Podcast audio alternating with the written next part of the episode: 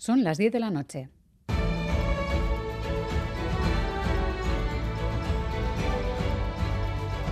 Radio Euskadi y Radio Vitoria.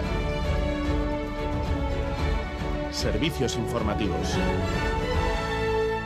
Repasamos los titulares de la jornada con John Fernández Mur, Gabón. Gabón, Miriam, noticias de hoy lunes 13 de marzo en el que comenzamos mirando a los mercados. Tras la caída de Silicon Valley Bank y el banco Signature en Estados Unidos, Washington ha decidido garantizar los depósitos de los clientes. Eso sí, no habrá rescate para los dueños, para los inversores de los bancos. Joe Biden ha explicado que han arriesgado y perdido, que así funciona el capitalismo. La Reserva Federal estadounidense se ha reunido de urgencia, ha acordado revisar lo ocurrido en el Silicon Valley Bank en un informe que publicarán el 1 de mayo. Los expertos además creen probable que la Reserva Federal baje el ritmo de las subidas de los tipos de interés. Y por miedo al contagio, fuertes caídas de las bolsas europeas, el IBEX 35 se ha dejado el 3,5% arrastrado por los bancos que han sufrido pérdidas de hasta el 11% en el caso del Sabadell. Eso sí, resiste Wall Street, estable en la jornada de hoy. ¿Tiene sentido el miedo al contagio y por qué se ha dado esta reacción diferente? Se lo hemos preguntado a Máximo Chermeli, doctor en economía y profesor en Deusto Business School. Miedo a un efecto contagio, es decir, que si ha pasado algo en Estados Unidos, puede que las carteras de los bonos que tengan las entidades financieras también en Europa, de alguna forma, estas, eh, estos bonos que han comprado las entidades financieras, que ahora mismo se están depreciando, pues de alguna forma, si no se han gestionado bien, es decir, si no, si no se ha hecho una previsión de devaluación, pues en un momento determinado, cuando las entidades financieras necesitarán de esta liquidez, que es lo que ha pasado en Estados Unidos y que podría pasar en Europa, es decir, la necesidad de liquidez, pues implicaría asumir unas pérdidas.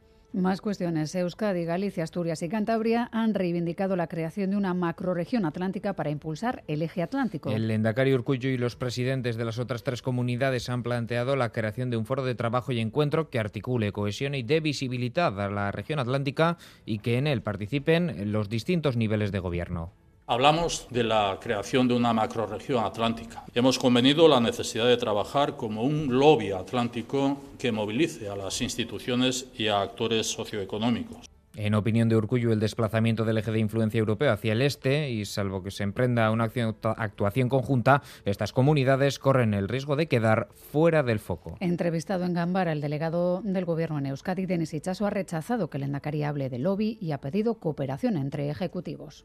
Yo, el tema del lobby, en la medida en que es un grupo de presión, yo creo que los gobiernos fundamentalmente lo que tienen que hacer es cooperar, ¿no? Eh, más que presionar o nada parecido. De hecho, yo creo que la comunidad autónoma vasca o el gobierno vasco tampoco seguramente le gusta que le, que le planteen eh, lobbies. Yo creo que sobre todo lo que debemos es cooperar.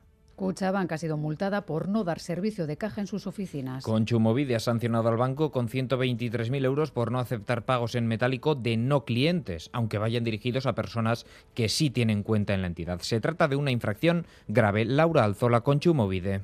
Esto vulnera tanto el derecho de la persona que quiere ingresar como los derechos de quien tiene una cuenta a recibir los ingresos y por el otro lado se ha considerado una práctica abusiva el hecho de que Cuchabank modifique unilateralmente el contrato que tiene con sus clientes, ya que este incluye el servicio de caja. Las asociaciones de consumidores ven que se abre camino para limitar los abusos de la banca a sus clientes. Y en comisión parlamentaria, la consejera de Gobernanza Pública y Autogobierno ha defendido que el paso de altos cargos del Ejecutivo a la empresa privada es legal y que no se han dado casos de puertas giratorias. La oposición, por su parte, considera que hay elementos demasiado subjetivos y que el Ejecutivo no es transparente. Desde Euskal Herria Bildu, Josué Estarrona ha denunciado que el paso por la Administración supone, en muchos casos, un trampolín en carreras profesionales profesionales. Ikusten baldin baduzu, nondik etorri diren, bere funtzioa zeintzuk izan diren, kargo publiko bezala eta non amaitu duten, e, horietako inorrez da bueltatu bere aurreko lanpostura. Osa, hori da trampolin bat, trampo, trampolin profesionala. Kasu batzuetan, es un trampolín, trampolinazo. La consejera Olaz Garamendi ha pedido a la oposición que deje de sembrar una sospecha permanente y ha advertido de los peligros de no hacerlo. Con la deriva que se muestra, van a conseguir que pasemos de una democracia a una aristocracia.